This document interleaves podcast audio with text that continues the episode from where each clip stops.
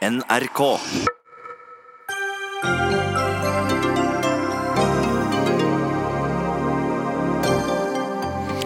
Viktige verdier i dagens Norge har sitt fundament i kristen kulturarv, sier KrF-leder Kjell Ingolf Ropstad. Det er helt andre vi skal takke for den gode norske modellen, protesterer professor.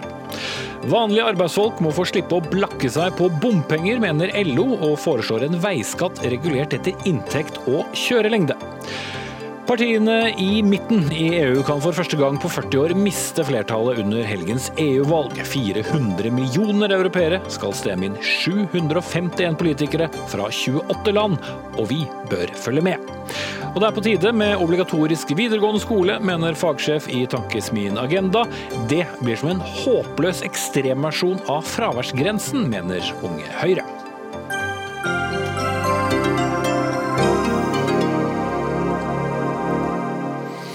Da sier vi god kveld og velkommen til eh, Dagsnytt 18 med Espen Aas i studio. Akkurat eh, nå starter demonstrasjonen mot eh, fattigdom i sentrum av hovedstaden. Bak denne markeringen står flere organisasjoner, blant dem Aksjonen for AAP-endringer. Demonstrantene der de- de protesterer mot regjeringens innføring av en ny lov som strammer inn reglene for arbeidsavklaringspenger. Stønadsperioden ble 1.1.2018 redusert fra fire til tre år. Og Elisabeth Thoresen, du er en av initiativtakerne til demonstrasjonen og er med oss fra Oslo eh, sentrum. Eh, Hvordan er oppslutningen hos dere? Oppslutningen er stor. Vi er flere hundre mennesker som eh, nå er på vei oppover Karl Johan mot Stortinget. Og Dere demonstrerer altså mot et vedtak som trådte i kraft for snart halvannet år siden. Hva håper dere å oppnå? Vi håper jo selvfølgelig å oppnå at eh, regjeringspartiene tar til fornuft og eh, enten reverserer lovendringen eller eh, aller helst kanskje går for SV sitt forslag i morgen i, i stortingssalen. Det hadde vært det aller beste. ja, hvorfor er det nødvendig? Ja, altså Sånn som situasjonen er i dag, så er det faktisk slik at uh, mennesker i Norges land kan ikke lenger eh, forsikre seg mot eh, å gå på et stort økonomisk tap hvis de blir syke. I dag så er det slik at når folketrygden vår, som er vår felles forsikringskasse, svetter så totalt som den nå gjør, så står folk igjen helt på bar bakke etter tre år og har nådd makstid på arbeidsavklaringspenger. Det finnes ikke noe inntektssikring som vil fange dem opp. Og eh, formålet med folketrygden den eh, blir brutt. Karenstiden den er jo helt forferdelig. Den må jo være direkte ulovlig. Der skal folk altså, bli uh, utestengt fra folketrygden som de er pliktige medlemmer av i ett år. Før de igjen kan søke ny arbeidsavklaringspenger på samme grunnlag som de hadde det sist. Da skal du få gå tilbake til eh, dine feller i demonstrasjonen, Elisabeth Thoresen, og så skal vi diskutere dette forslaget du var innom her i studio. For Kirsti Bergstø, du er nestleder i SV. Du satt på Stortinget da forslaget om innstrammingen ble behandlet i Stortinget da i 2017. Da advarte dere mot å innføre dette regelverket. Hvorfor? Vi advarte mot å eh, kutte i arbeidsavklaringspengene eh, og gjøre de dramatiske innstrammingene som regjeringa ønska, eh, fordi vi frykta nettopp at det som vi nå ser, at, det skjer med flere, skulle finne sted. Og Det er jo at folk står uten ytelse og også uten avklaring. Fordi arbeidsavklaringspenger det er jo for å avklare om man har helse til å stå i arbeid, eller om man må bli ufør. Men var det et spesielt velfungerende system, det som dere innførte i den rød-grønne regjeringen? Altså, eh, jeg skal ikke si at alt har fungert perfekt, fordi at det er veldig mange som har mottatt arbeidsforklaringspenger uten å få ordentlig oppfølging. Og Da må man ha tett individuell Så oppfølging. de ble men man stående må- i eh, AAP-ordningen? At veldig mange ikke fikk den hjelpa de skulle ha, eh, det er klart. Men da må man jo styrke Nav, og ikke kutte i Nav, sånn som dagens regjering gjør. Og så må man gi Nav lokalt mulighet til å følge opp den enkelte, til å bruke skjønn og til å gjøre vedtak, i stedet for å stramme inn. Fordi at det som skjer nå, det er at man kutter kutte i ytelsene, i inntekta til folk, og sende syke folk ut i fattigdom. Det er veldig alvorlig. Jeg er dypt bekymra for de menneskene det angår. og Derfor så foreslår vi i, Stortinget i morgen at vi må ha strakstiltak for å hjelpe dem eh, som nå blir stående uten eh, inntekt. Vi krever at de eh, brutale innstrammingene snus. Og vi krever også at man får gjøre vedtak lokalt. De som kjenner brukerne, får muligheten til Eh, faglig skjønn, istedenfor at man overstyres. Vil du gå tilbake til et system som du sier heller ikke fungerte bra? Nei, Det er ikke snakk om å gå tilbake til et system. Eh, det er ingen som ønsker at folk skal være lengst mulig på arbeidsavklaringspenger. Men det vi må sørge for, er at man får tida man trenger til å bli avklart. For husk at her er det snakk om mange sammensatte og komplekse lidelser eh, som det kan ta tid å avklare. Og er det noe som gjør syke folk sykere, så er det å bli kasta rundt, hunsa med og det å bli fattigere. Det er ingen som blir friskere av å bli fattigere. Vi ønsker at man skal kunne bruke skjønnet lokalt. Eh, og Derfor så vil vi gå tilbake til fire år som en, som en, en hovedregel, men med mulighet til å uh, vurdere det lokalt. Og Hvis vi ser nå hva som skjer med folk, så står folk uten inntekt. Det er barnefamilier som rammes. Folk er nødt til å kvitte seg med boligen fordi man ikke har råd til å beholde den. Og gjennomgående så får folk dårligere helse av å være i en så uverdig situasjon. og Derfor må vi forsvare velferden og ikke la høyresida få rasere den, sånn som nå. Vi går over til den eh, høyresiden, da. og Heidi Nordby Lunde, stortingsrepresentant for uh, Høyre. Uh, dere valgte da å endre et system som dere ikke mente fungerte. At folk ble stående for lenge uten å bli avklart, og, sånn sett ikke kom noen vei. Men er det noen suksess, det som er nå? Det er jo sterke ord som blir brukt her fra SVs eh, side, men jeg er glad for at Kirsti Bergstø i hvert fall sier at eh, systemet slik det var, også etter at de rød-grønne innførte arbeidsavklaringspenger, ikke fungerte etter hensikten. Målet med å erstatte det som eh, var tre ulike ordninger for folk som trengte rehabilitering etter sykdom, eller andre tiltak for å enten komme tilbake til arbeidslivet eller få varig uføretrygd, viser seg jo å ikke, ikke virke. De ble stående altfor lenge uten uten eh, å bli fulgt opp av Nav, som var hensikten med endringene. Og Der har vi sagt at vi ønsker å målrette dette mot de gruppene de utgangspunktet var ment for, og sørge for at de får raskere og tettere oppfølging. Og En del av resultatene ser vi i dag. Flere har fått innvilget uføretrygd tidligere. Det er fordi at de kvalifiserer til det. Og jeg vil også minne om at dersom du er varig syk, eller er syk og, og har varig nedsatt uh, funksjonsevne under 50% da kvalifiserer du til uføretrygd, og de får det. Men ifølge Nav så gikk da 3100 flere i fjor fra arbeidsavklaringspenger til sosialhjelp sammenlignet med året før. Jeg tipper jo at det var heller ikke ønsket effekt? Nei, men eh, samtidig så så vi at det var eh, flere grupper enn de som eh, vi ønsket at skulle komme inn på arbeidsavklaringspenger. Som rapporten fra Sintef viste at kanskje hadde bedre nytte av å gå på f.eks. sosialhjelp med tiltak der for å komme seg tilbake til arbeidslivet, eller ta utdanning. Dette gjelder bl.a. særlig unge folk med diffuse sykdommer, lettere psykiske plager, som ikke fikk nytte av å gå på arbeidsavklaringspenger.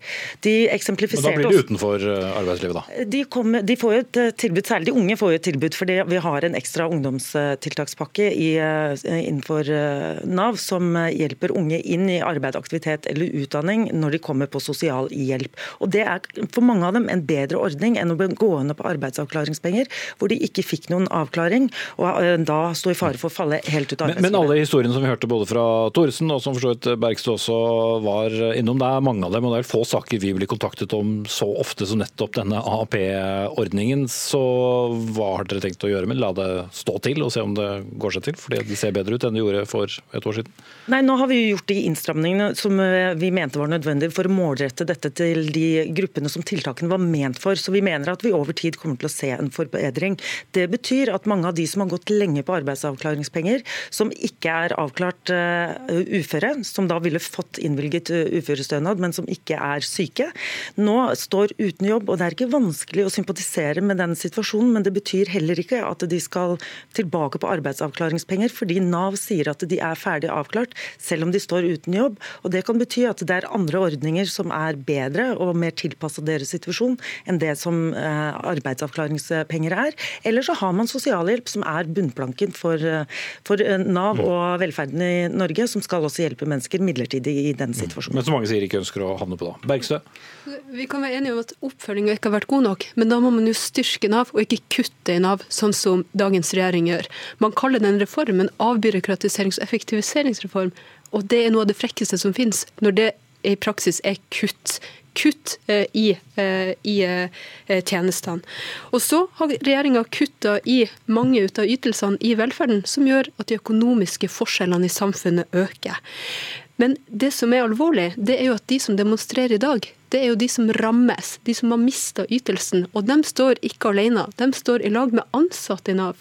Fordi vi ser jo at det er et varsko fra de som jobber med de her ytelsene, fordi at man ser at folk ender opp på bar bakke eh, og kastes ut i fattigdom, istedenfor at man trygges av folketrygda. Ja, her er det jo to ting. For det første har vi ikke kuttet i Nav. De har fått tilført midler både for å ta unna det som nå er saksbehandling knyttet til endringene i arbeidsavklaringspenger, men også til å styrke innsatsområder på andre, eh, andre felter. Samtidig så har vi en helt riktig en avbyråkratiseringsreform som er ment å effektivisere nettopp saksbehandlingen i Nav, som gjør at de som har behov for det, får raskere eh, saksbehandling. og Det mener jeg er riktig å gjøre. I morgen kommer forslaget fra SV i eh, Stortinget. Nå er det sånn at det er flertallsregjering, så det spørs hvordan det går med det. Men takk til Kirsti Bergstø, nestleder i SV, og Heidi Nordby Lunde, stortingsrepresentant fra Høyre.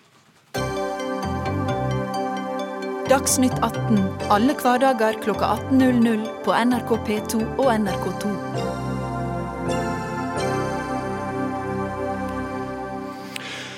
La oss eh, lene oss tilbake og tenke på det norske samfunnet. Et samfunn preget av likeverd, frihet og gode velferdstjenester. Mange, mye og mangt å være fornøyd med, men hvem kan vi takke for alt dette? Den tilbakelagte påsken fikk barne- og familieminister Kjell Ingolf Ropstad, som også er tros- og livssynsminister, må vite, eh, til å minne om alle goder vi kan spore tilbake til den kristne kulturarven i en kronikk på NRK Ytring. Men så i Morgenbladet kom det en motforestilling, og det var det du som hadde, Gunnar C. Åkvåg. Du tok i stedet utgangspunkt i 17. mai. Du er sosiolog og professor ved Universitetet i Tromsø. Hvordan ble historiefortellingen om det norske samfunnet når du dro linjene tilbake til Eidsvollmennene? Ja, den blir jo ganske annerledes. For det har da vært to høytider, og i påsken så feirer vi jo Jesu døde oppstandelse. Eh, og det som følger av det, men det finnes også en annen høytid, nemlig 17. mai, hvor vi feirer det som jeg mener er utgangspunktet og selve kjernen i dagens norske samfunn. Og det er Grunnloven. Det som skjedde for sånn ca. 205 år siden, var at vi fikk det på en måte år null i norsk historie. Da var det en gjeng med liberale embetsmenn eh, som eh, preget av opplysningsideer, preget av ideer som frihet, likhet, brorskap, fikk for seg at de ville skape et nytt samfunn. De, stiftet et, et, kollektivt samfunnsbyggingsprosjekt som har vart i sånn ca. 205 år, siden 1814. Og Kjernen i dette prosjektet er det jeg vil kalle frihetens demokratisering. Man tar utgangspunkt i denne sekulære, humanistiske ideen om individers frihet. Eh, og så prøver man å rett og slett bygge et samfunn som i størst mulig grad skal sikre flest mulig individer mest mulig frihet på flest områder i livene sine. Så kunne man tenke seg at disse 1814-embetsmennene, eh, at deres prosjekt ble gjendrevet, men tvert imot etter 1814 så har det kommet da nye sosiale bevegelser som da har fortsatt å kjempe for dette frihetens demokratiseringsprosjektet. Nemlig først bondebevegelsen, som nedkjempet embetsmannsstanden og ga oss folkestyre, demokrati. Og Så fikk vi arbeiderbevegelsen, som på en måte sto opp for arbeidere. Det arbeidende folk som Gerhardsen snakket om i møte med kapitalistisk fremmedgjøring og utbytting.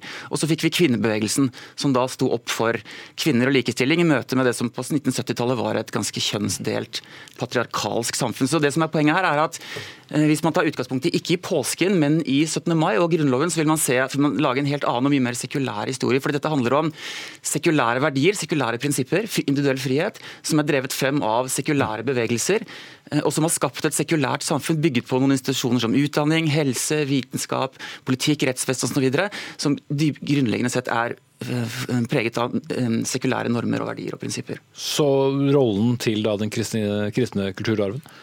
Rollen til den kristne kulturarven er relativt liten. Jeg tror ikke man skal undervurdere hvor radikalt dette bruddet var i 1814 da, fikk, da på en måte stablet man på bena et helt nytt sekulært samfunnsbyggingsprosjekt. Og så har jeg helt enig med deg, Ropstad, i at eh, religion inne, og kristendom har innimellom vært viktig, men det man ser er en avtagende betydning av religion. Du bruker helsevesenet som eksempel, men man kan også ta utdanning som et eksempel. Det er ikke noe tvil om at en veldig viktig del av frihetens demokratisering og byggingen av den norske modellen og det norske samfunnet, som vi med rette er glad i Norge i dag, eh, at kristendommen var viktig i den forstand at da må man kunne lære å lese. Og med Martin Luthers skriften alene, så må rett og slett den enkelte troende kunne lære seg å lese Bibelen, og da må man ha religionsundervisning. Og så fikk man da allmenn konfirmasjonsundervisning, som var en helt vesentlig faktor for å avskaffe analfabetisme i Norge.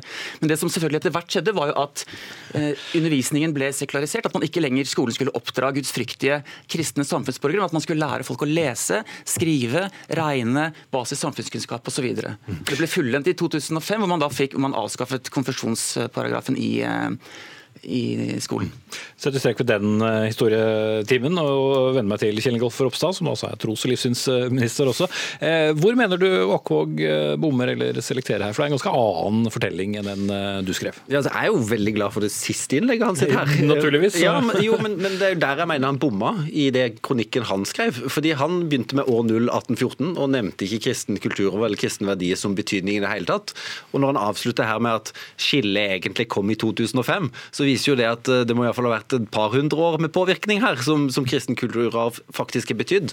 Og sånn jeg ser det norske samfunnet, så er det jo gjennomsyra av kristne verdier, kristne symboler, kristne helligdager. Eh, og det å liksom hevde at det ikke har en betydning eller er til stede i Norge, eh, det, det, er jo egentlig historieløst.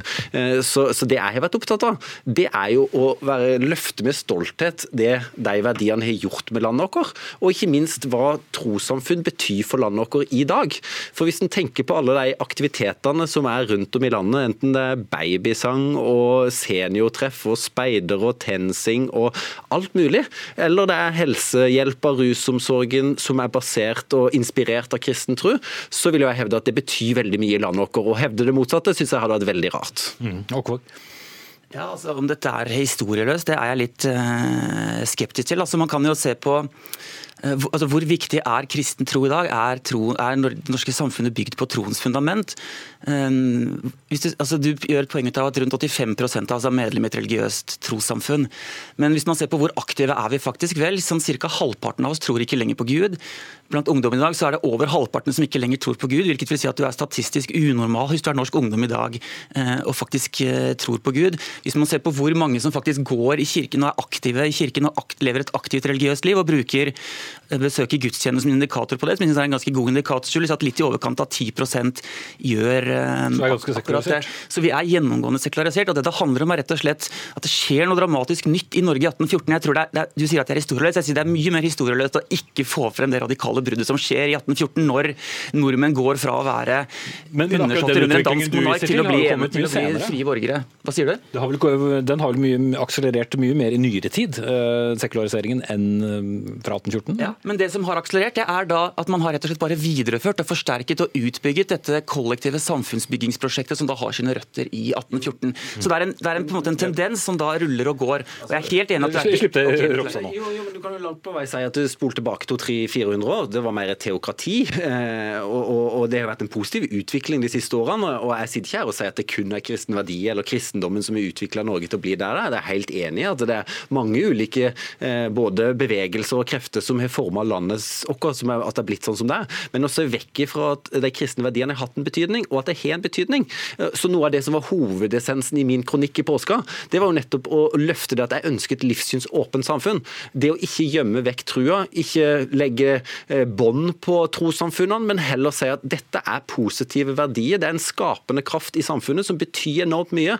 Enten det er disse trossamfunnene som bidrar til masseaktivitet, eller det er organisasjoner som er inspirert av det, og som gjør fantastisk mye flott for mennesker. Men poenget da til Åkevåg om at dette har da um, gått veldig tilbake, og Norge er, vil kanskje noen uh, med rette hevde er av det mer sekulariserte samfunn eller land i, i Vest-Europa i dag? Ja, og Jeg er jo ikke uenig i det, uh, men jeg er veldig tydelig på at det ligger kristne verdier til grunn som jeg er stolt av, og gjerne kall det humanistiske verdier òg, som er inspirert av kristne verdier. Menneskerettighetene er det, opplysningstida er inspirert av kristne, kristne verdier, men, men, men, men jeg er iallfall opptatt av at i det mangfoldige samfunnet som vi er, som er flott, så er det òg viktig å løfte at det er noen verdier vi ønsker å legge til grunn. og Derfor sier vi både i regjeringserklæringa, men òg i Grunnloven at en peker på disse verdiene.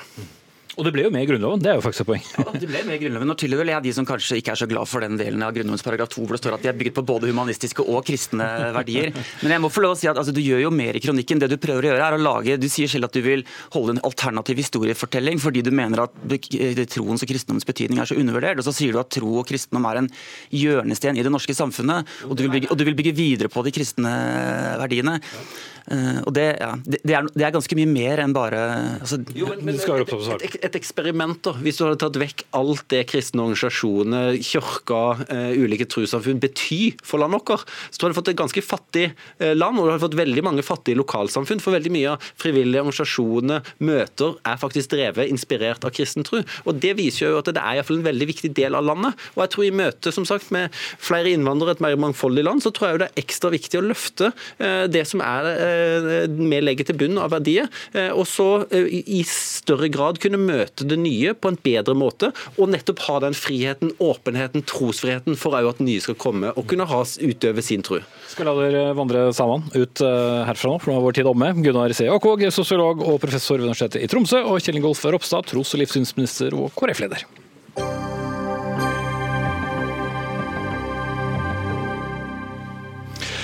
Partiene på ytre høyre de har fosset frem og rocker rokker nå ved det etablerte politiske hegemoniet i EU-parlamentet. De neste dagene skal et nytt EU-parlament velges, og hva skjer da? Det skal vi snakke om senere i denne sendingen, men nå skal vi til kanskje vårens aller heteste politiske potet, men som slett ikke handler om mat. For eh, bare noen timer siden så kom den siste utviklingen i det som eh, er den store politiske saken, altså bompengebråket.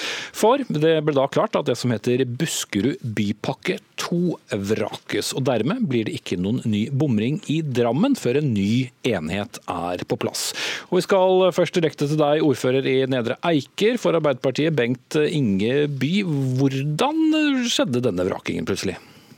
Nei, Det skjedde med at, eh, at eh, Fremskrittspartiet fremmet forslag om man skulle vrake en vrake pakka, og da fikk de med seg Høyre og en fra Senterpartiet og en fra Uavhengig. Og Da ble det 20 eller 21. Altså 21 på vraken og 20 som sto pakka. Mm, delt, sånn var det. Delt uh, midt på. Men hva skjer da? For dette har jo vært et uh, planlagt prosjekt. Ja, nei, akkurat det samme, spør, det samme spørsmålet kan jeg stille. Fordi da skjer det ingenting. Mm. Fordi at det, da må, når, Nå er den pakka vraka, og da legger jo altså, departementet legger vel sannsynlig hele pakka i en skuff. Og så er det opp til da det nye kommunestyret i, i Drammen og, og, de omliggende kommunene og ta, eventuelt ta stilling til om de forhandler om, om nye bypakker. Sånn, det, sånn, blir det da. Mm. Etter dette berømmelige valget, som eh, kanskje har begynt å spille en veldig stor rolle oppi det hele. Jeg sier takk til deg, Bengt Inge By. Høres ut som du har hendene fulle med politikk eh, fremover. Altså ordfører i Nedre Eiker for Arbeiderpartiet. Det er eh, stor skepsis mange steder til bompengeordningen. I Bergen fikk vi vite i går, så er bompengepartiet blitt byens største parti i en ny meningsmåling. Men la oss nå først se på alternative løsninger etter hvert som eh, alle er så veldig opptatt med bompengeringene, og om vi kan gjøre noe annerledes, finansiere veiene på andre måter. Og Da skal vi eh, vende oss til deg, Jørn Eggum, leder av Fellesforbundet. Så, og Du mener da at sammen med LO at bompengeordningen den rammer vanlige arbeidsfolk unødvendig hardt, og foreslår derfor i stedet en avgift som også skal ta hensyn til hva folk tjener. Eh, forklar kort eh, hva som er tanken bak. Det er jo sånn at Fellesforbundet som jeg er leder for, vi er jo en interesseorganisasjon for, for, arbeidsfolk. og Det er ikke tvil om at de siste årene så har jo vi merket at det har murret mer og mer blant våre medlemmer på de høye bompengeutgiftene som er kommet. Så vi har jo på mange måter, som ikke et politisk parti, men selvsagt har politisk interesse av at, at vi skal ha påvirkning, sånn at våre medlemmer har det best mulig satt oss ned og tenkt hvordan kan vi gjøre dette så du får en annen sosial profil, eh, sånn at det skal bli, bli ikke være så dyrt eh, så, som det er i dag. For, både for å komme seg på jobb, men også ta del i frivilligheten med å kjøre barn i barnehage og til, til aktiviteter på ettermiddagen. Og da har vi sett mer på, eh, altså Det er jo til utredning, vi har ingen fasit på dette. Dette må jo politikerne på mange måter ta stilling til. Og Det er jo en sånn eh, kinderegg av en sånn type veiprising hvor du kan, eh, i hvert fall nå når vi ser at Datatilsynet eh, i forhold til personvern også ser at dette kan være mulig, at vi kan betale etter hvor mye du bruker veien. Altså, og du kan legge, hvor langt og hvor man kjører? Ja, du kan legge til grunn sosiale uh, ulikheter, klimatiltak, geografi og den arbeidssituasjonen som du har. Og så kan du også ha for de som bor i distriktet, sånn at det ikke blir den samme summen for de som bor i Finnmark, hvor det er 40 mil mellom hvert, hvert skilt, som det er f.eks. på Østlandet og Vestlandet. Og så eh, vil jeg si det at jeg er jo bergenser, som dere sikkert hører. Og der har jo jeg, eh, selv om jeg ikke er så ofte hjemme som jeg ønsker å være, fått med meg også der at der har jo det, som dette bompengepartiet som du innledet med, sett at den, altså begeret er liksom eh, nok. altså det Folk aksepterer ikke å betale så mye eh, penger, opp i 40 000-50 000. Det er sydenturen til en familie det der, og, og ferien for dem. Så, så, så, noe må på mange måter gjøre Men hvorfor, hvorfor gå da på bompengene? Hvorfor ikke heller si at vi bør justere månedskort på kollektivtransport ut fra hva man tjener?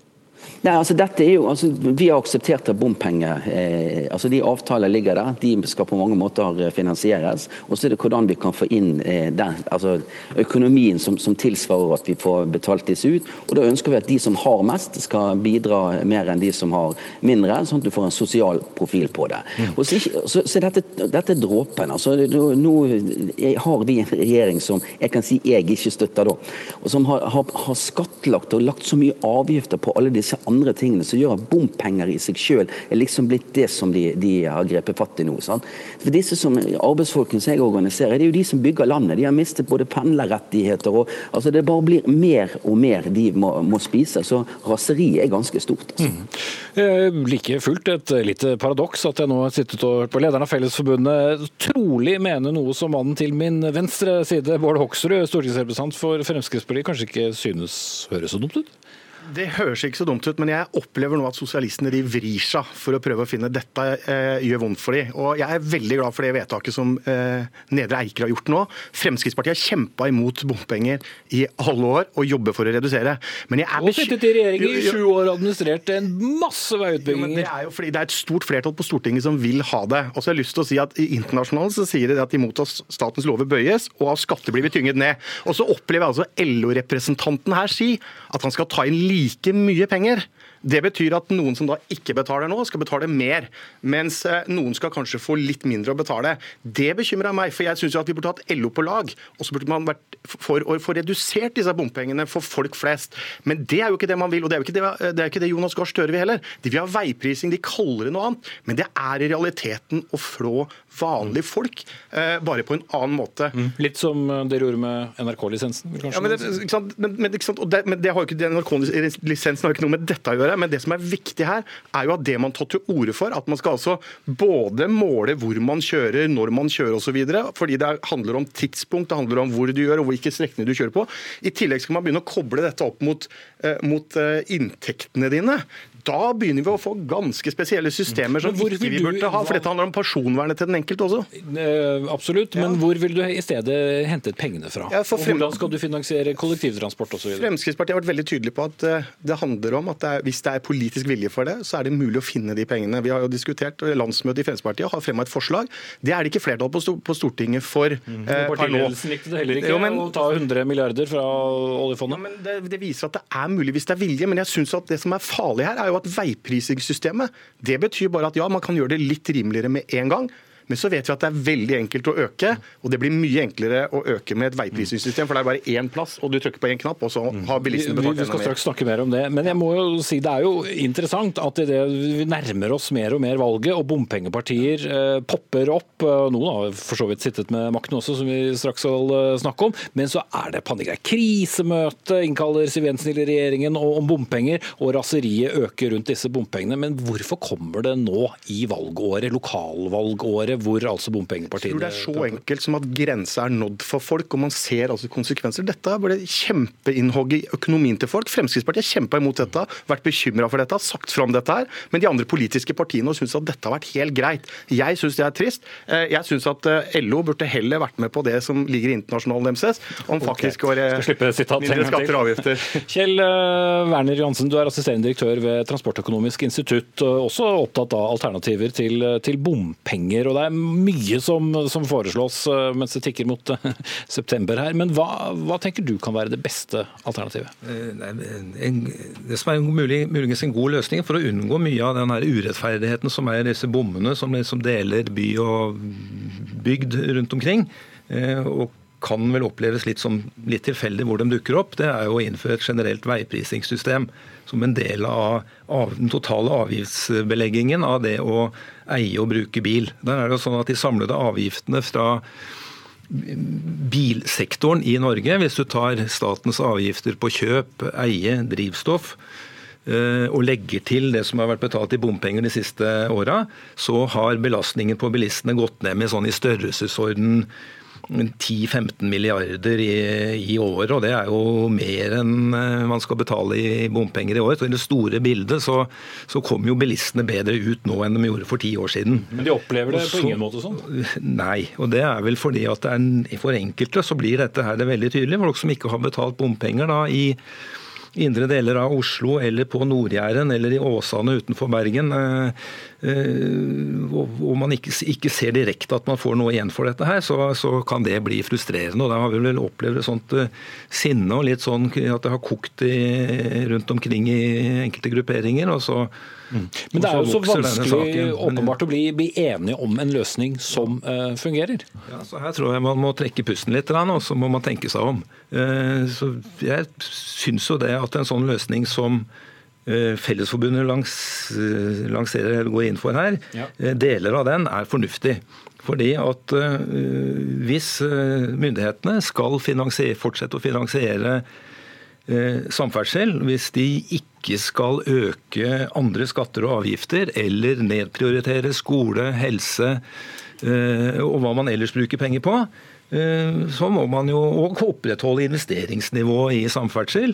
Så må jo pengene tas eh, fra et sted. Og Hvis man skal fortsette å gjøre det fra bilistene, så er det lurt å legge opp et system hvor man betaler etter kilometer kjørt, med ulike takster etter hvor og når man kjører. Man kan få systemer i bilene som guider en, sånn at man får bedre trafikkavvikling i byene. Og Men da får man det som Hoksrud var innom. eh, hvor er personvernet kan komme billigere fra det. Så eh, her, her er, Der er det teknologiske og praktiske muligheter for å få mer, en mer effektiv og rettferdig Og det vil føles mindre vondt, kanskje. Det vil kanskje føle mindre vondt for de som eh, nå føler at det blir rammet hardt. Jeg ser at du gjerne vil slippe til eh, Hoksrud, det skal du. Men jeg vil også ta inn eh, Jørn Eggum, som eh, både har hørt på dine anekdoter fra internasjonalen og mer, men også det som eh, Transportøkonomisk institutt sier her. Ja, altså det jeg eh, ønsker å legge til, er jo at vi har jo ikke, presenterer jo ikke en fasit.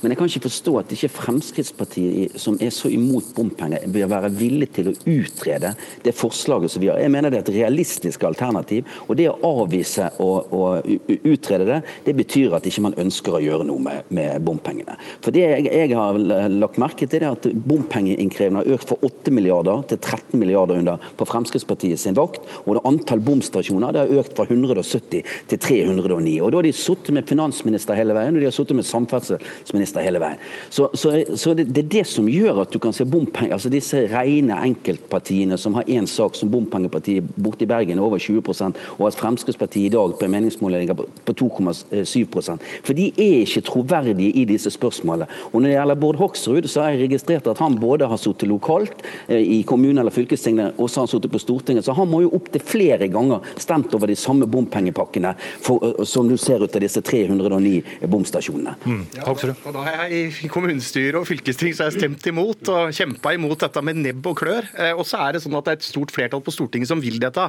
Det som er bekymringsfullt Men Burde du da foreslå noe som du kan få med deg andre partier på, enn f.eks. å drive og tømme jo, men, oljefondet? Vil du ikke få flertall? Men det morsomme er jo at i min hjemkommune, hvor Fremskrittspartiet hadde ordføreren, så sørga vi for at ikke det blei bompenger i den kommunen, selv om sosialistene gjerne ville ha det, og andre partier også.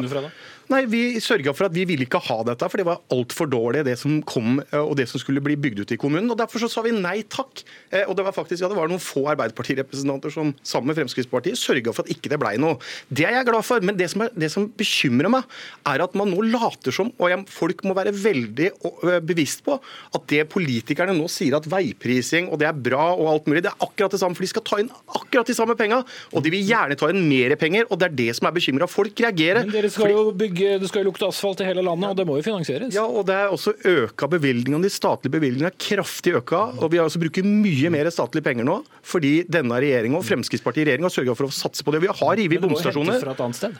Pengene ja, må jo komme fra et sted. Og, da er det altså sånn at I eh, ditt første kvartal i år så hadde vi altså over 700 milliarder kroner i overskudd Eh, på oljeinntektene våre, eh, også på oljefondene våre. Det viser altså at det er muligheter hvis det er politisk vilje til det. Men Som det da ikke er. Men jeg må stoppe deg før du begynner på et nytt argument nå. For eh, skal det takke av dere to, eller dere tre snarere, Bård Hoksrud, stortingsrepresentant for Fremskrittspartiet, Kjell Werner Johansen, assisterende direktør ved Transportøkonomisk institutt, og Jørn Eggum, leder av Fellesforbundet. Men vi skal snakke litt mer om bompenger, så dere må gjerne bli sittende hvis dere vil høre på det. Fordi selvsagt, som vi skjønner, så har dette bompengeopprøret vokst vokst til å bli en eh, protestbevegelse som i alle fall i teorien kan føre til eh, det vi kaller politiske jordskjelv i mange kommuner ved høstens valg. Og politisk kommentator eh, her i NRK, Magnus Takvam. Det er jo snart ingen som ikke har fått veldig høyt blodtrykk pga. disse bompengene. Nei, Det er en veldig temperatur eh, i eh, debatten. Og eh, en observasjon nå er jo Vi hørte ordføreren i Nedre Eiker i stad. Vedtaket der betyr jo at det som kalles Buskerudpakke 2, som er en svær pakke i Drammensregionen, da ikke blir noe av inntil videre. I bergensområdet så er det forhandlinger om en byvekstavtale for bergensregionen, altså Bergen og de omliggende kommunene, den er etter det jeg vet nå utsatt eh, til etter valget. Eh, I Nord-Jæren så er det også slik at en av kommunene der nede, Sandnes, ikke blir enige med de andre aktørene om eh, rushtidsavgift. slik at Inntrykket er at alle disse prosjektene nå er høyst usikre, og de planene som ligger i dem er også høyst usikre. Så her kaller, kaller det på politisk handling, rett og slett. Mm. Men er det litt panikk, vi ser? Altså, den ene politikeren etter den andre går jo nå ut og velger andre løsninger. Fagbevegelsen kaster seg også på. Ja, altså det er klart at uh, Det som har skjedd, er jo at inntektssvikten i en del av disse bomprosjektene har blitt, har blitt synliggjort. Uh, og uh, bomtakstene har da blitt økt, man har fått nye bomringer. og Det har, klart, det har, det har på en måte ført til, til så sterke reaksjoner som, som vi har lagt merke til. og det er en politisk enorm belastning for et parti som Frp å få skylda for dette.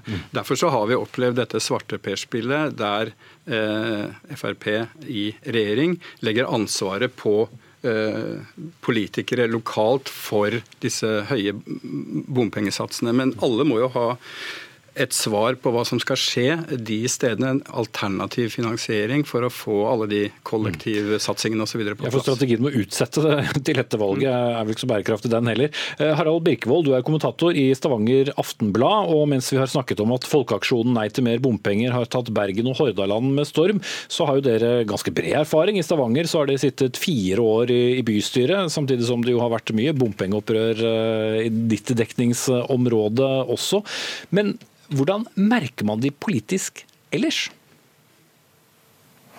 Altså, det var nok mange som tenkte at når eh, FNB kom inn som du sa, ved forrige lokalvalg med tre representanter, så ville de sitte der og være et sånn typisk ensaksparti. Eh, det har delvis ikke vist seg å stemme, da, fordi at FNB har eh, en, eh, en gruppeleder, Frode Myhrvold, som nok er et ganske stort politisk talent, og som har evna å se litt utover denne ene saken som partiet da er tufta på, bl.a. på saker som dreier seg om mer altså strukturelle ting i samferdsel, byutvikling, oppvekst og, og sånt. Men eh, vi har jo, jeg så vel en video senest i dag eller i går også, med ganske sinte fronter eh, i, i, Rogaland som enten er veldig for eller veldig imot eh, bompenger. Så hvordan preger dette da valgkampen der eh, fremover? Ja, det er et eh, mysterium, vil jeg nesten si. Fordi at På den ene side så er det helt riktig som du sier at det er veldig sterke, altså harde fronter. Det har vært brukt mange sterke ord og uttrykk i debatten, eh, særlig på sosiale medier, men òg eh, for på en måte åpen mikrofon og i åpne møter. Eh, samtidig så har ikke vi sett så langt på meningsmålingene på Nord-Jæren en så sterk vekst for bompengemotstanderne som du nå ser i Bergen. Jeg er litt nysgjerrig på hvorfor. Jeg tror det delvis kan ha sammenheng med at vi har en annen kommunestruktur. Bergen ble en stor kommune allerede for mange år siden, mm. mens Nord-Jæren består av et slags lappeteppe av små kommuner, eh, der du har til dels forskjellig politisk sammensetning. Eh, Takvam nevnte jo Sandnes, hvor eh, Fremskrittspartiet og Arbeiderpartiet samarbeider. og derfor er nok mer uttalte motstandere av særlig rushtidsavgiften, men òg av bompenger mer generelt. Mm. Uh, Magnus Takam, samtidig så ser vi et miljøparti, De Grønne, som er mm. høyt på målinger. I Oslo, hvor eh, det nå blir tapetsert nærmest med bompenger, så er det ikke den samme uh, mobiliseringen. Fremskrittspartiet er rekordlavt. Hopper en del politikere litt for raskt på dette, eller har de reell grunn til bekymring for sin fremtidige makt? Altså Det store paradokset her er jo at uh, flertallet vil jeg si, er, fornøyd mange steder der den, disse bypakkene har fått virke en stund med resultatene av dem. F.eks. i både Bergen og Oslo så viser jo statistikk at uh, lufta har blitt bedre, det er blitt mindre biltrafikk, kollektivtilbudet er er økt uh, osv. Slik at, uh, som du sier, så har MDG i, i, Oslo, som har stått i spissen for dette og har eierskap til det, uh, eh, 10 på, på meningsmålingene. Så det er veldig store lokale variasjoner. Og som vi har vært inne på før, så tror jeg Hordaland og Bergen er i en veldig spesiell situasjon fordi enkelte omlandskommuner føler at de ikke har fått noe igjen for det de har betalt inn, og at de har et elendig kollektivtilbud. Men det, det som åpenbart er eh, et behov her, er at ambisjonene kanskje både i bypakkene og i eh, Nasjonal transportplan og i de store riksveiprosjektene er blitt for store. og Man må sette seg ned og kanskje justere utgiftene og investeringene etter, etter betalingsevnen, rett og slett. Mm. Takk skal dere ha, Magnus Takvam, politisk kommentator i NRK, og Harald Birkvold, kommentator i Stavanger Aftenblad. Som det er noe lys i bompengetunnelen ennå, det gjenstår å se. Det er lenge igjen til valget i september. Thank you. Vi står foran et valg som vi nordmenn ikke har stemmerett ved, men som likevel kan få stor innvirkning på oss. Jeg snakker om EU-valget, eller valget til Europaparlamentet, som starter i morgen i Storbritannia og Nederland, og fortsetter da utover i Europa, varer til og med søndag. Partier på ytre høyre er ventet så stor fremgang at partiene i sentrum for første gang på mange tiår kan miste sitt flertall. Og Philip Lote, vår europakorrespondent, du befinner deg nå i Paris, et land der Nasjonal Samlings Marine Le Pen kan få opp mot en firedel av stemmene i det kommende valget. Er det, du som har oversikten, året der høyrepartiene får sitt virkelig storvalg? Dette er nærmest dødt løp mellom Marine Le Pens eh, parti Nasjonal Samling eller Rassemblement National eh, og de folkene som står bak meg nå og skal dele ut løpesedler. Det er partiet til president eh, Emmanuel Macron. Og i Frankrike så er dette her helt enkelt Macron mot Le Pen. En president for Europa og en utfordrer mot Europa. Så dette er på mange måter en tillitsvotering over EU som et europeisk fellesprosjekt. Det er jo ganske varierende hvor stort et sånt EU-valg eh, engasjerer, og valgdeltakelsen kan være ganske lav mange steder. Vil dette virke mobiliserende? At det er et mye mer sånn klarere veivalg for mange? Ja, sånn sett så kan EU egentlig takke ytre høyrepartiene som mobiliserte sist søndag i Milano under ledelse av Salvini og Frankrikes Le Pen, for at engasjementet er eh, noe større, interessen er noe større. Det er klare alternativ, eh, og det kan gjøre at valgdeltakelsen blir høyere. I Frankrike så var det rundt 42% som stemte forrige gang. Denne gangen kan det bli høyere. Det er mange som håper på det. Så det er helt klart at en følelse av at dette valget er viktigere, betyr mer for Europas innbyggere enn før. Eh, at det er et eh, større veiskille man står foran, hvor ytre høyre-partiene forsøker å vinne innflytelse og makt, ikke ved å kritisere fra utsiden, men for å på et, en felles plattform, på det de selv presenterer som helt klare og seriøse alternativ, ønsker å gå inn og endre Den europeiske union innenfra. Mm. Skal slippe deg videre på reportasjejobbing, Philip Lote. Men eh, Guri Rosén, du er førsteamanuensis ved Handelshøyskolen Oslo MET. Hvor stor innvirkning vil høyrepopulistiske partier ha på EU dersom de skal da gjøre et brakvalg? Det er, det, veldig, det er, jo det, som er så spennende nå. Først å se hvor store de blir, og dernest å se hva de faktisk gjør. Når de kommer inn i parlamentet og skal for det første samarbeide med en hel andre partier, og samarbeide innad. 751 mm. representanter skal jo velges inn. Frem til et eventuelt brexit, ja. ja. Eh, nei, men Historisk sett så har jo ikke de, eh, disse grupperingene vært i stand til å samarbeide så veldig godt. Så Det er jo knyttet mye spenning til om de klarer å samles om en faktisk politikk. Det er mange som snakker om eh, om, de, om de vil være takk taktiske og gå sammen av den grunn, rett og slett for å stoppe og forsøke å endre politikken innad i EU, eller om de på en måte vil gjøre sånn som de har gjort før og egentlig ikke bry seg så veldig mye om innholdet av, av europeisk politikk, og heller bruke Europaparlamentet i stor grad som en talerstol til å nå et hjemlig publikum. Mm. Pål eh, Frisvold, redaktør for nettstedet Europeisk politikk, du er med oss eh, direkte fra Brussel. Hvorfor kommer denne høyredreiningen? Er det et, uh, en måte å si fra på at man er misfornøyd med slik EU eh, e har fungert? Det er klart at uh, Resultatet på europaparlamentsvalget vil jo reflektere i veldig høy grad det som er den politiske stemningen i enkeltlandene. Altså, det er veldig varierende årsak til hvorfor europeere går til urne på Europaparlamentet. Noen har nasjonale valg samtidig. Andre ønsker å sende et klart uh, protestsignal til sine sittende regjeringer. Men vi har også sett uh, denne uh, si, høyrepopulistiske vinden som ikke har blåst over Europa, men som har faktisk satt seg ganske hardt. Mm. Eh, men hvordan møter eh, da de mer tradisjonelle kristendemokratiske partiene, eh, konservative partiene og sosialdemokratiske partiene dette?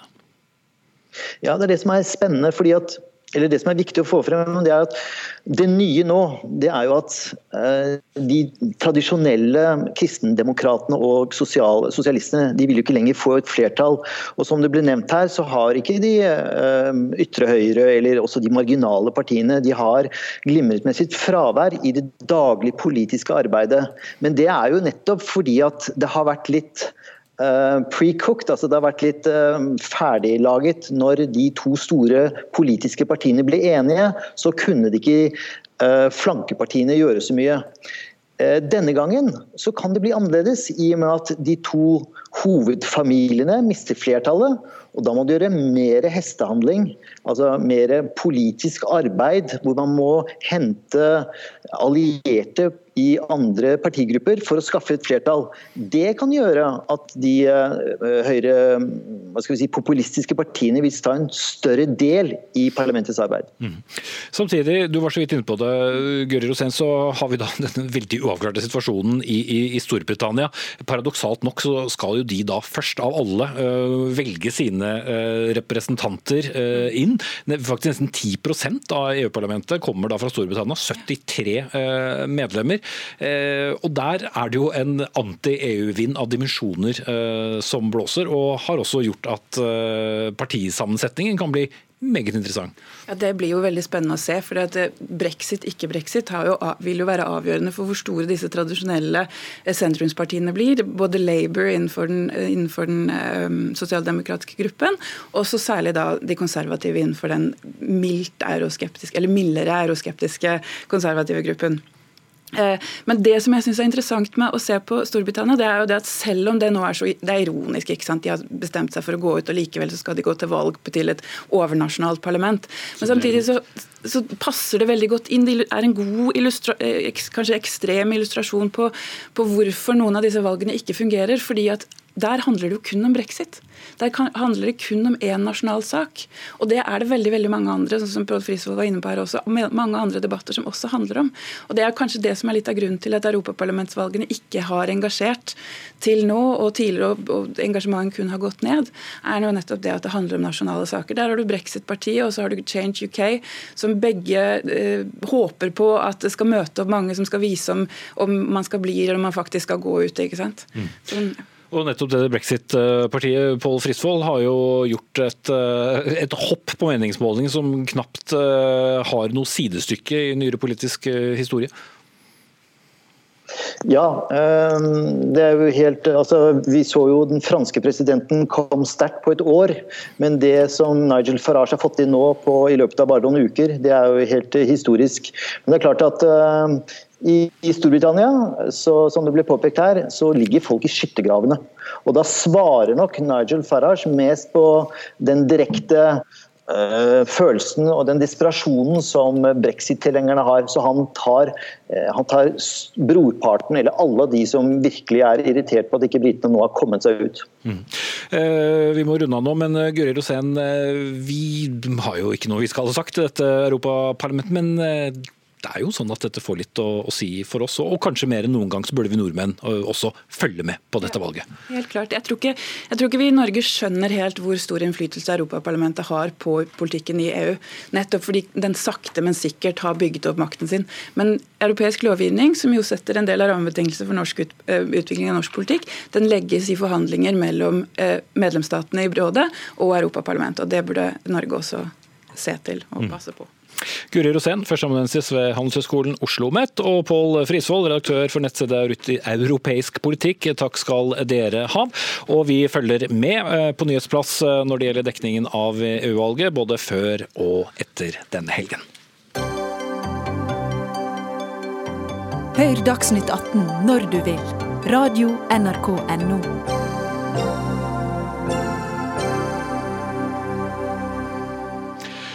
Burde det bli eh, påbudt å gå ferdig videregående skole? Vel, nesten 30% av elevene på videregående skole de fullfører ikke sine tre år, og de som faller fra er særlig utsatt for helseproblemer, lav yrkesdeltakelse og dårligere levekår senere i livet. Og det taper samfunnet milliarder av kroner på.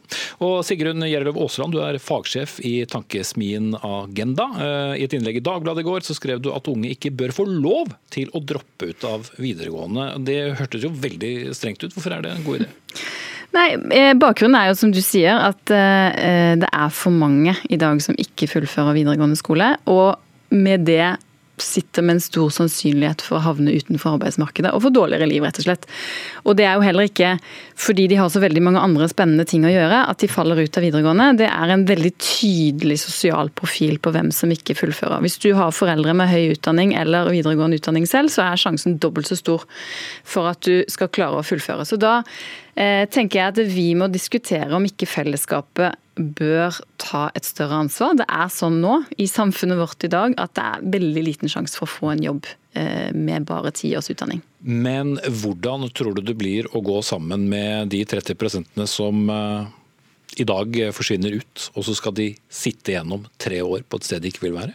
De skal jo ikke bare sitte gjennom, de skal jo også få eh, mer drahjelp til å komme gjennom. Mange av de som forsker på hvorfor elever faller ut av videregående, eh, har jo f.eks. sagt at vi burde snakke mye mindre om frafall og mye mer om utstøting. Det er altfor dårlig oppfølging av de som sliter på videregående. Vi vet at problemene begynner tidlig.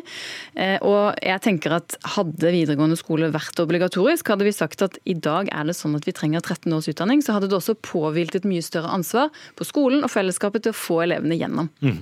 Daniel Skjevik Aasberg, du er første nestleder i, i Unge Høyre. og Vi laget oppringt av Unge Høyre i dag. som måtte bare si hva slags dårlig idé dette her var. Hvorfor er dette så dumt? For det er vel ikke ikke bruk masse tid på det, men du er vel enig i, i, i det som blir sagt her, med at så mange dropper ut? og Iallfall det uh, har vi ikke noe igjen for. Men, men det er obligatorisk, det har du ikke noe tro på? Ja, det har jeg ikke noe tro på. og Når det gjelder det, så mener jeg at det er en ganske lettvint og firkanta løsning på et ganske komplisert uh, problem. Fordi man kan være sjuk, man kan ha lite motivasjon og lærelyst, og uh, kanskje ha fått for dårlig opplæring i, i, grunnskolen. og Da er jo problemet at skolen ikke er tilpassa dem som har behov for et annet alternativt opplegg enn den tradisjonelle videregående opplæringa, og ikke at vi trenger enda et forbud. Og Det Agenda gjør her, det mener jeg faktisk er ganske dumt, for det er å dytte hele ansvaret over på eh, eleven, istedenfor at skolen og fylkeskommunen tar ansvar, sånn som de har, eh, for at flere fullfører. Og Det er en ganske dårlig løsning som skjærer alle elever over samme kam, når vi vet at behovene til de elevene er helt forskjellige. Mm. Men tallene er jo som de er, da, så hva, hva vil du gjøre i stedet? Jo, men løsningen eh, er jo ikke at, at man skal sette alle elever eh, som, er, som, ikke er klar for det, på skolebenken i tre år til. Det er ikke sånn at, man, at, det skjer noe magisk med deg hvis du bare står eh, og har fullført videregående med et vitnemål i hånda. Hvis du ikke har lært noe, så vet vi at det er karakterer som avgjør om du blir tatt opp til høyere utdanning. Det er karakterer som avgjør om du får en læreplass. Og Hvis du ikke da har lært noe på de tre årene du går på skolen, så er det ikke noe automatikk at du blir noe mer attraktiv på arbeidsmarkedet. Men gjør det ikke noe med dynamikken som du er på ungdomsskolen, hvor du vet at du skal gå til, til og med 9 tiende klasse er det faktisk blitt hilsen gammel programleder, eh, hvor du ikke har noen valg. Hvis du da skal gå 13 år eh, på skolen og delegere, vil ikke det gjøre noe med det? At man kanskje vil se en eh, motivasjon i det? Absolutt, men problemet er jo ikke holdninger eller sosiale presset om å fullføre og begynne på videregående skole. Det er faktisk bare 2% av elevene som ikke går direkte fra grunnskolen over i videregående. 98% starter, og det betyr at når så mange faller fra, så er det jo et problem med skolen og ikke med holdningene til elevene. For elevene vil, men de får det ikke til. Og da er jo problemet med tilpassa opplæring. Få eh, elever som ikke har noen forutsetninger for å fullføre den, det tradisjonelle videregående løpet, inn i andre modeller som vi har vært altfor dårlige på å legge til rette for til nå. Mm. Eh, noe av problemet her har jo vært eh, også basisfagene. At mange sliter med de også. Hva slags andre endringer kan vi gjøre? For det første så er det jo ikke sånn at jeg tenker at alle skal ta samme type videregående opplæring. Det er også et kjempeproblem i dag at mange begynner på en fagutdanning og ikke får læreplass, og ikke får fullføre den videre utdanningen som de har begynt på. Eh, og så er jeg helt enig med Unge Høyre i at ansvaret ligger jo på fellesskapet og på skolen, og ikke på individet. Og nå er det jo sånn at vi sier vi trenger, alle trenger ti års utdanning. Derfor er det fellesskapets og kommunens ansvar å gi alle barn ti års skolegang. Så sier jeg nå er det ikke sånn lenger. Nå har samfunnet endret seg så mye at nå trenger alle 13 års utdanning. Da påhviler det oss det samme ansvaret å få alle gjennom 13 års utdanning. Og da er jo eh, løsningen ikke å si problemet er deg, du skal få lov å velge å slutte hvis skolen ikke passer for deg. Løsningen er å si problemet er skolen. Mm. Men det er jo ikke sånn at det ikke er noe ansvar der i dag. Hele poenget med videregående skole er jo at så mange som mulig skal hjelpes gjennom, men eh, så er det bare 70% som fullfører. Ja, man vil, gjerne, man vil gjerne hjelpe mange gjennom, og man har en såkalt rett rett videregående opplæring. Men vi vet jo at veldig lite skjer for å følge opp elever som sliter. Eh, og vi ser jo, som vi begynte med innledningsvis, at de som slutter, ikke fullfører, det er jo ikke tilfeldig hvem de er. Det er de som kommer fra familier der det er liten tradisjon for, eksempel, for å ta utdanning, og der foreldrene ikke har mye utdanning.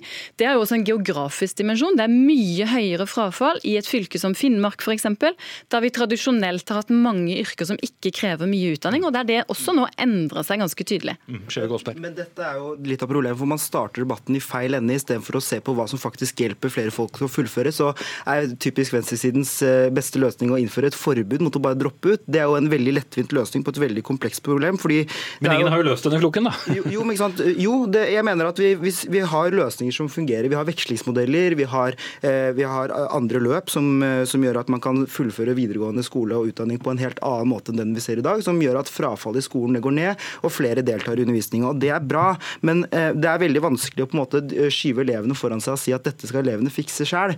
Eh, her må faktisk skolene og fylkeskommunene ta ansvaret, og vi må tilby disse elevene et, et, tilbud som gjør at de faktisk har en reell mulighet for å fullføre, og ikke mm. bare skjære av. Men, men hva, er det? Hva, er det? hva er det tilbudet? Ja, jeg mener jo at, for at, at det man må se på, er alternativer til 2 pluss 2-modellen i yrkesfag som man har i dag, eller tre år på skolebenken i yrkesfag. Og Det er jo de tingene som vi har sett på til nå, det er vekslingsmodeller man kan ha opplæring i bedrift, man har fagbrev på jobb, som gjør at man kan gå rett fra, eh, fra grunnskolen inn i arbeidslivet. Og kanskje kommer muligheten eller behovet for å ta eh, opplæring senere. Kanskje er man ikke helt eh, klar for å ta opplæring rett etter grunnskolen. Kanskje kan man vente et par år. Mm. Jeg er helt sikker på at du har enda flere argumenter for ditt syn, Sigrun Gjerløv Aasland, fagsjef i Sentrum Venstre Tanks min agenda, men jeg har ikke tid til det nå. Takk skal du også, Daniel Skjevik Aasberg, første nestleder i Unge Høyre. 30% flere russ, tenk hvordan det skulle ha blitt. Vi er ved veis ende. Jeg vil bare minne om at eh, Dagsnytt 18 eh, flytter seg til Stortinget på fredag. Eh, da sender vi direkte fra Stortingets lagtingssal. Det er åpen dag på Stortinget. Flott bygg, verdt å se. Og det er også mulig mulighet til å se vår sending direkte. Dørene åpnes da klokken 17. Ansvarlig for sendingen i dag, Dag Dørum. Teknisk ansvarlig, Marianne Myrhol. I studio, Espen Aas. Sigrid Solund er tilbake med en ny, frisk utgave av Dagsnytt 18 i morgen.